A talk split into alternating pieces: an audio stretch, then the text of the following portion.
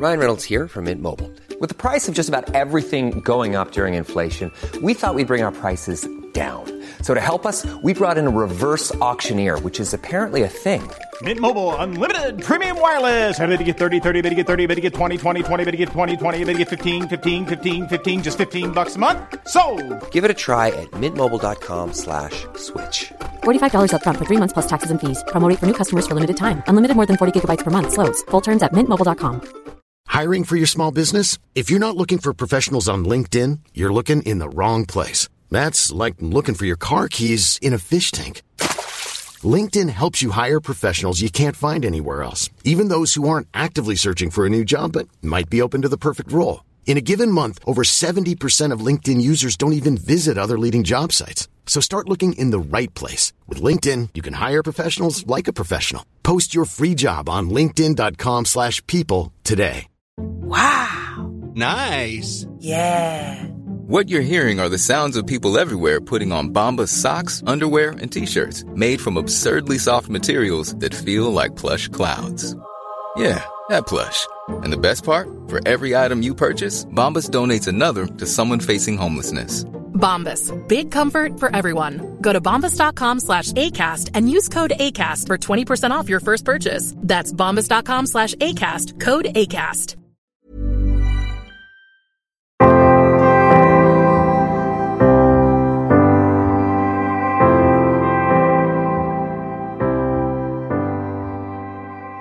Hej och välkomna till Bröllopstankar. En podcast för dig som går i bröllopstankar, som ska gifta dig eller som bara älskar bröllop i stort. Jag heter Isabella och jag är bröllopsplanerare och koordinator och jag tycker att alla brudpar förtjänar en stressfri planering och att få njuta av sin bröllopsplanering och sin bröllopsdag. Så därför startade jag den här podden för att komma med tips och inspiration till hur ni planerar ert bröllop allt för att ni ska få ert drömbröllop. Och om ni vill komma i kontakt med mig för att ställa en fråga till podden eller komma med feedback eller komma i kontakt med mig som koordinator, då når ni mig enklast på Instagram där jag heter Isabellas event. Och i dagens avsnitt så ska jag prata om någonting viktigt, kanske bland det viktigaste när det kommer till er planering. I alla fall delvis när det kommer till budget och kanske lite hur man får ett sånt roligt bröllop som möjligt. Och det är gästlistan. Gästlistan sätter ju en väldigt stor ton på bröllopet och förmodligen så gör det väldigt stor skillnad på många saker om ni ska ha ett bröllop för 20 personer eller om ni har tänkt att ha ett bröllop för 400 personer. Så tycker jag att det är en väldigt viktig sak. Och jag är med i några bröllopsgrupper på Facebook och ibland så ser jag där att folk eh, frågar till exempel så här, vad har ni för budget på ert bröllop? Och eh, kanske lite för att man försöker hitta något typ av medelvärde med vad som är rimligt att lägga på sitt bröllop och jag förstår verkligen det att har man inte gift sig förut eller vet vad olika saker ungefär kostar så förstår jag att man försöker ja, men fråga sig fram vad andra har lagt på sitt bröllop. Problemet med det här är bara att det ofta inte följs upp med frågan vart de ska gifta sig, vad de räknar in i sin budget eller hur många gäster de planerar att bjuda in. Och alla de här sakerna är ju olika och påverkar väldigt olika den stora budgeten. Och om man inte har samma förväntningar så är det väldigt svårt att ja, men fråga vad ett bröllop kostar. Men en sak som då verkligen påverkar det är hur många gäster ni ska vara. Och jag har pratat lite om det här förut. Och vissa kostnader kommer ju såklart inte förändras oavsett. Om det är så att ni har en kallhyra för lokalen är det inte säkert att den påverkas om ni, beroende på hur många ni ska vara. Eh, eller om ni ska ha band, eller om ni ska ha fotograf. De tar ju sitt arvode ändå, inte baserat på hur många gäster ni är. Det spelar egentligen ingen roll hur många gäster ni har utan det kanske kommer vara samma kostnad oavsett. Men sen så är det ju såklart många kostnader där det absolut spelar roll hur många gäster ni är. Och kanske inte bara då det uppenbara med hur mycket mat ni behöver utan allt det som tillkommer också som ja, men bord och stolar och porslinet och dryck och glas och blommor och dukar. Allt det. Alltså skippar man 20 gäster så är det ganska många saker på listan som krymper. Och det är klart att man kan komma ner ganska mycket kostnader där. Eller i alla fall att man kan prioritera sina pengar så att man får ut så mycket som möjligt av sin budget på de gästerna som man verkligen vill ha där. Och nu kanske du som lyssnar tycker att ah, men det här låter jättebra och jättevettigt. Vi fattar. Vi ska prioritera de gästerna som vi verkligen vill ha där. Men hur gör man det då? Hur gör man en gästlista på ett bra sätt som ni båda är nöjda med? Och till att börja med så tycker jag att det är vettigt att diskutera det här vad ni vill ha för typ av bröllop. När ni tänker på ert drömbröllop, vad är det för typ av bröllop som ni ser framför er? Tänker ni att det ska vara ett väldigt stort bröllop med massa gäster eller tänker ni kanske ett mer intimt bröllop med bara de allra närmsta? Diskutera det här innan och här kan det ju också vara andra saker såklart som spelar roll. Om det är ja, traditioner i era familjer eller bland era vänner och hur folk runt er brukar göra och vad de har för förväntningar. Men försök ändå att koppla bort det och istället fokusera på vad för bröllop som faktiskt ni vill ha. Och sen om man då har kommit fram till att ni båda vill ha ett mindre bröllop eller medium eller stort eller vad ni nu kommer fram till. Då tycker jag att ni var och en för sig ska sätta er med papper och penna eh, eller mobilen som kanske är mer vanligt nu för tiden. Det är bara jag som älskar att skriva för hand fortfarande. Men att ni då hur som helst skriver ner vilka ni verkligen vill ha på plats. Och skriv ner de som nu, du verkligen inte kan tänka dig att ha ett bröllop utan.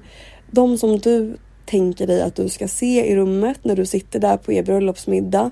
Eller de som du tänker dig när du är på väg ut från vigselceremonin och du möter deras ögonkontakt. Just de personerna.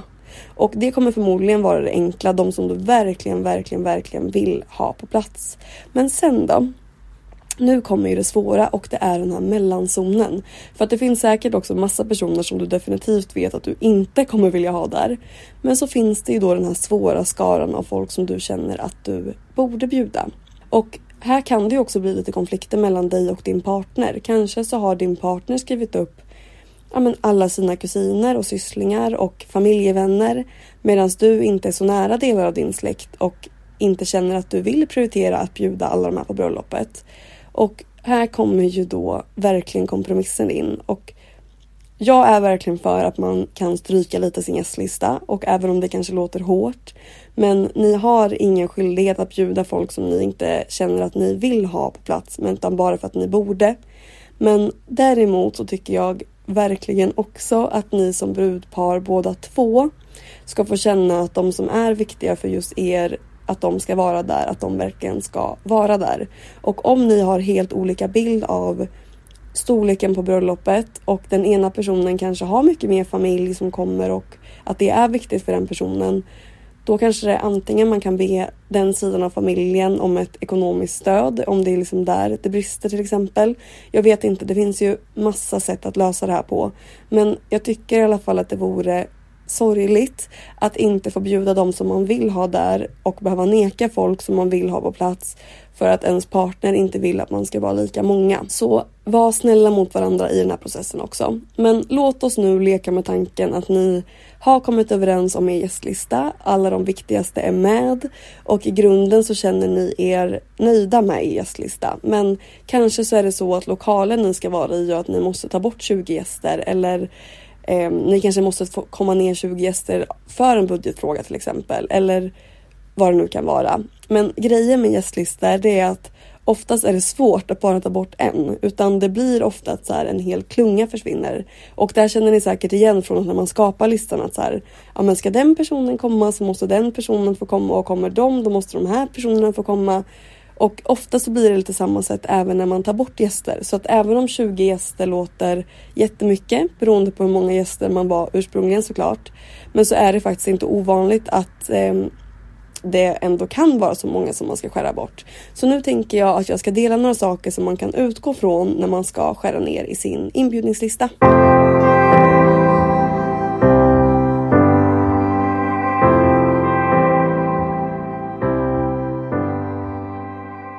Och nummer ett är, har jag träffat den här personen? Och det låter kanske som en självklarhet att varför skulle ni bjuda någon som ni aldrig har träffat på ert bröllop?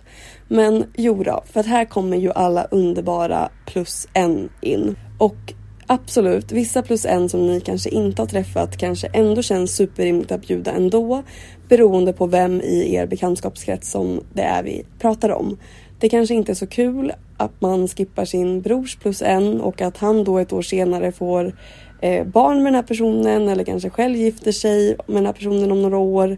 Och så kommer ni känna i efterhand att så här, ah, vi bjöd inte den här personen på vårt bröllop. Så att även ibland om det är nytt så får man såklart avgöra om det ska vara plus en trots allt. Men säg till exempel en vän som ni kanske inte själva träffat på länge. Ska den personen få med sig en plus en? Och regeln är väl egentligen att är man förlovad eller gift så ska man få ta med sig plus en. Men kanske är det bäst för er att dra er gräns tidigare än så. Det får man ju avgöra. Men om någon är gift och inte den personen kommer bli bjuden så får man nog räkna med att det blir en konstsituation för dem och troligtvis då så kommer ingen av dem att komma. Så att om ett par är gifta och ni aldrig har träffat den personen som er vän är gift med kanske är ni då inte tillräckligt nära. Kanske ska ni då inte bjuda någon av dem. Så den här frågan gör ju då som ni märker att det blir ja, men lite grann att det är svårt att bara skippa en utan då får man kanske skippa båda två och där går det ganska då snabbt i den här nedskärningen. Men kanske är det så att ni också har en vän som ni men, vill bjuda och som kanske precis har träffat någon. De kanske knappt är officiella än. Återigen, beroende på hur nära er vän är så är det enligt mig okej okay att inte bjuda plus en. Så att frågan ni ska ställa er här är har ni träffat personen? Och fråga nummer två är har ni träffat den här personen under det senaste året? Och jag fattar verkligen, vi alla har mycket att göra. Nu har det varit ett covidår när man kanske inte har träffat så många alls som man brukar och eh, vissa kanske man bor långt ifrån så att jag säger inte att ni inte ska bjuda någon som ni inte har träffat i år.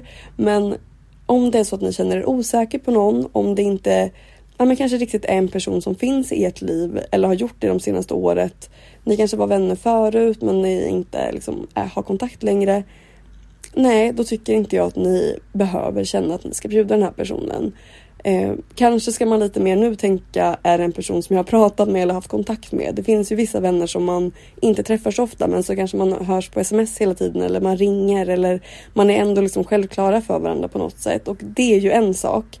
Men om ni inte har kontakt med varandra och ni kanske brukade vara, ja men ni brukade umgås men ni har inte haft kontakt med varandra på liksom över ett år. Nej, då behöver ni inte. Och den personen kanske själv inte räknar med att bli bjuden. För att om ni hade varit nära vänner då hade ni väl också haft kontakt tänker jag.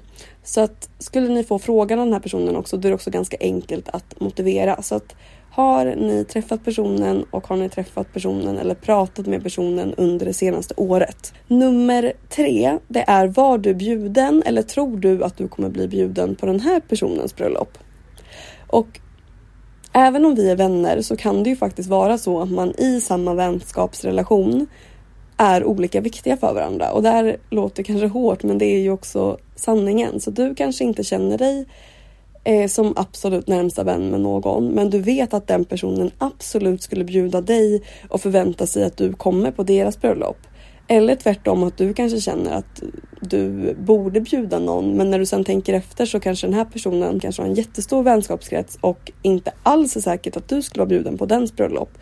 Då kanske du också kan känna dig lite osäker på om du behöver bjuda den eller inte. Så det är också en fråga man kan ställa sig. Var jag bjuden eller tror jag att jag kommer bli bjuden på den här personens bröllop? Nummer fem då, umgås vi utanför jobbet och vi vet kanske alla att ens kollegor är typ de personerna som man spenderar mest tid tillsammans med i livet. Nästan mer än sin familj, eller så kan det i alla fall kännas ibland. Och eh, har man massa härliga kollegor så kanske det känns självklart att bjuda dem till bröllopet. Men här kan det verkligen också vara svårt att dra gränsen för vilka man är tillräckligt nära vän med för att bli bjuden och vilka som är liksom trevliga att hänga med på fikarasten. Men det är nödvändigtvis inte samma sak som att du vill ha personen där på ditt bröllop. Och här finns det också lite saker att ta hänsyn till tycker jag. Att som jag sa, umgås ni utanför jobbet? Eh, eller är det liksom bara en person som är till att ta en kaffe med? Men det kan också vara värt att ta hänsyn till hur jobbigt det kommer bli för dig att inte ha bjudit den här personen. Kommer det skapa dig mer ångest att gå till jobbet varje dag med vetskapen om att det är en som känner sig bortvald eller som kanske till och med skapar konflikter på grund av det här. Då är det kanske inte värt att bjuda någon från jobbet och i så fall bara den som du verkligen är riktiga vänner med som umgås även på fritiden. Det skulle också vara lite enklare att motivera om det skulle bli frågor så att det är också någonting man kan fundera lite på tycker jag. Och nummer Sex, är det här en person som du tror kommer tillföra mycket på bröllopet? Och kanske så är det så att ni inte har pratat på länge. Du kanske inte var bjuden på den här personens bröllop, men du vet att det här är en person som är bra på att skapa stämning, som är bra på att få alla känna sig inkluderade och som du tror kommer lyfta stämningen på ert bröllop. Ja, men då kanske det också är en person som du gärna vill bjuda. Men återigen här så är det inte då ovanligt att en sån här person också då drar med sig några extra eh, borde bjuda personer och då måste man också fundera om det är värt det också. Men om du tror att den här personen kommer tillföra mycket på bröllopet så är det kanske ändå värt att den ska få stanna på gästlistan. Och nummer sju. Är det här en person som du tror kommer finnas med i ditt liv i framtiden? Och det är inte alltid så att eh, det är de som man har känt längst som är de allra mest självklara att man bjuder på sitt bröllop. Utan som jag sa i början, de som man inte kan tänka sig ha sitt bröllop utan och de som man verkligen ser kommer finnas med i framtiden också.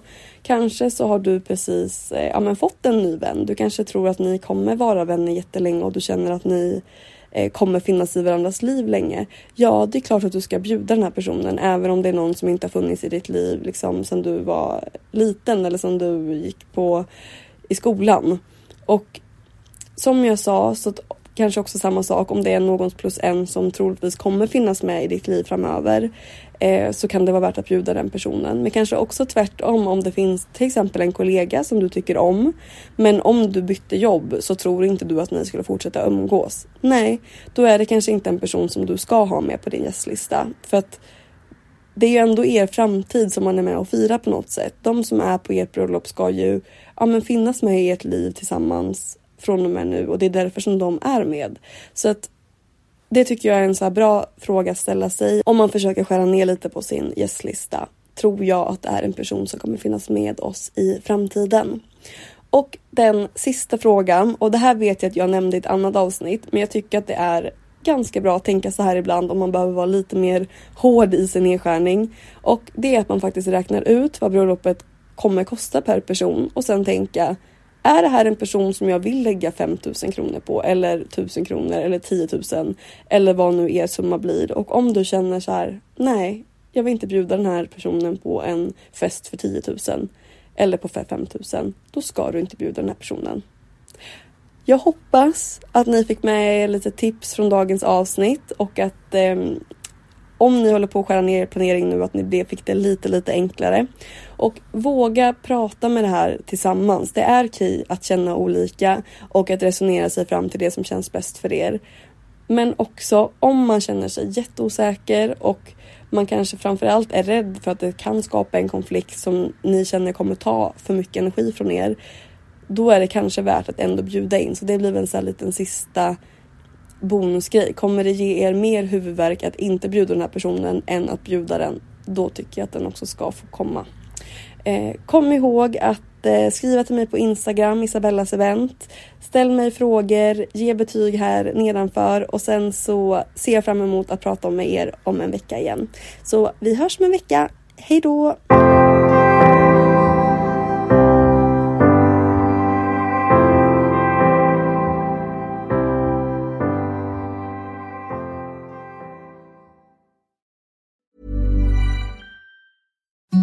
Imagine the softest sheets you've ever felt. Now imagine them getting even softer over time. That's what you'll feel with Bowl and Branch's organic cotton sheets. In a recent customer survey, 96% replied that Bowl and Branch sheets get softer with every wash. Start getting your best night's sleep in these sheets that get softer and softer for years to come. Try their sheets with a 30-night guarantee. Plus, get 15% off your first order at bowlandbranch.com. Code BUTTERY. Exclusions apply. See site for details.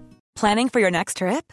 Elevate your travel style with Quince. Quince has all the jet setting essentials you'll want for your next getaway, like European linen, premium luggage options, buttery soft Italian leather bags, and so much more. And is all priced at 50 to 80% less than similar brands. Plus, Quince only works with factories that use safe and ethical manufacturing practices.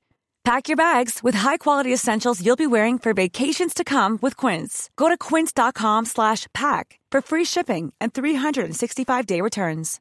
When you make decisions for your company, you look for the no-brainers. And if you have a lot of mailing to do, stamps.com is the ultimate no-brainer. It streamlines your processes to make your business more efficient, which makes you less busy. Mail checks, invoices, legal documents, and everything you need to keep your business running with stamps.com. Seamlessly connect with every major marketplace and shopping cart. Schedule package pickups and see your cheapest and fastest shipping options from different carriers with rates up to 89% off USPS and UPS rates. And with the stamps.com mobile app, you can take care of mailing and shipping wherever you are. Make the same no-brainer decision as over 1 million other businesses with stamps.com. Sign up with code program for a 4-week trial plus free postage and a free digital scale. No long-term commitments or contracts. That's stamps.com. Code program.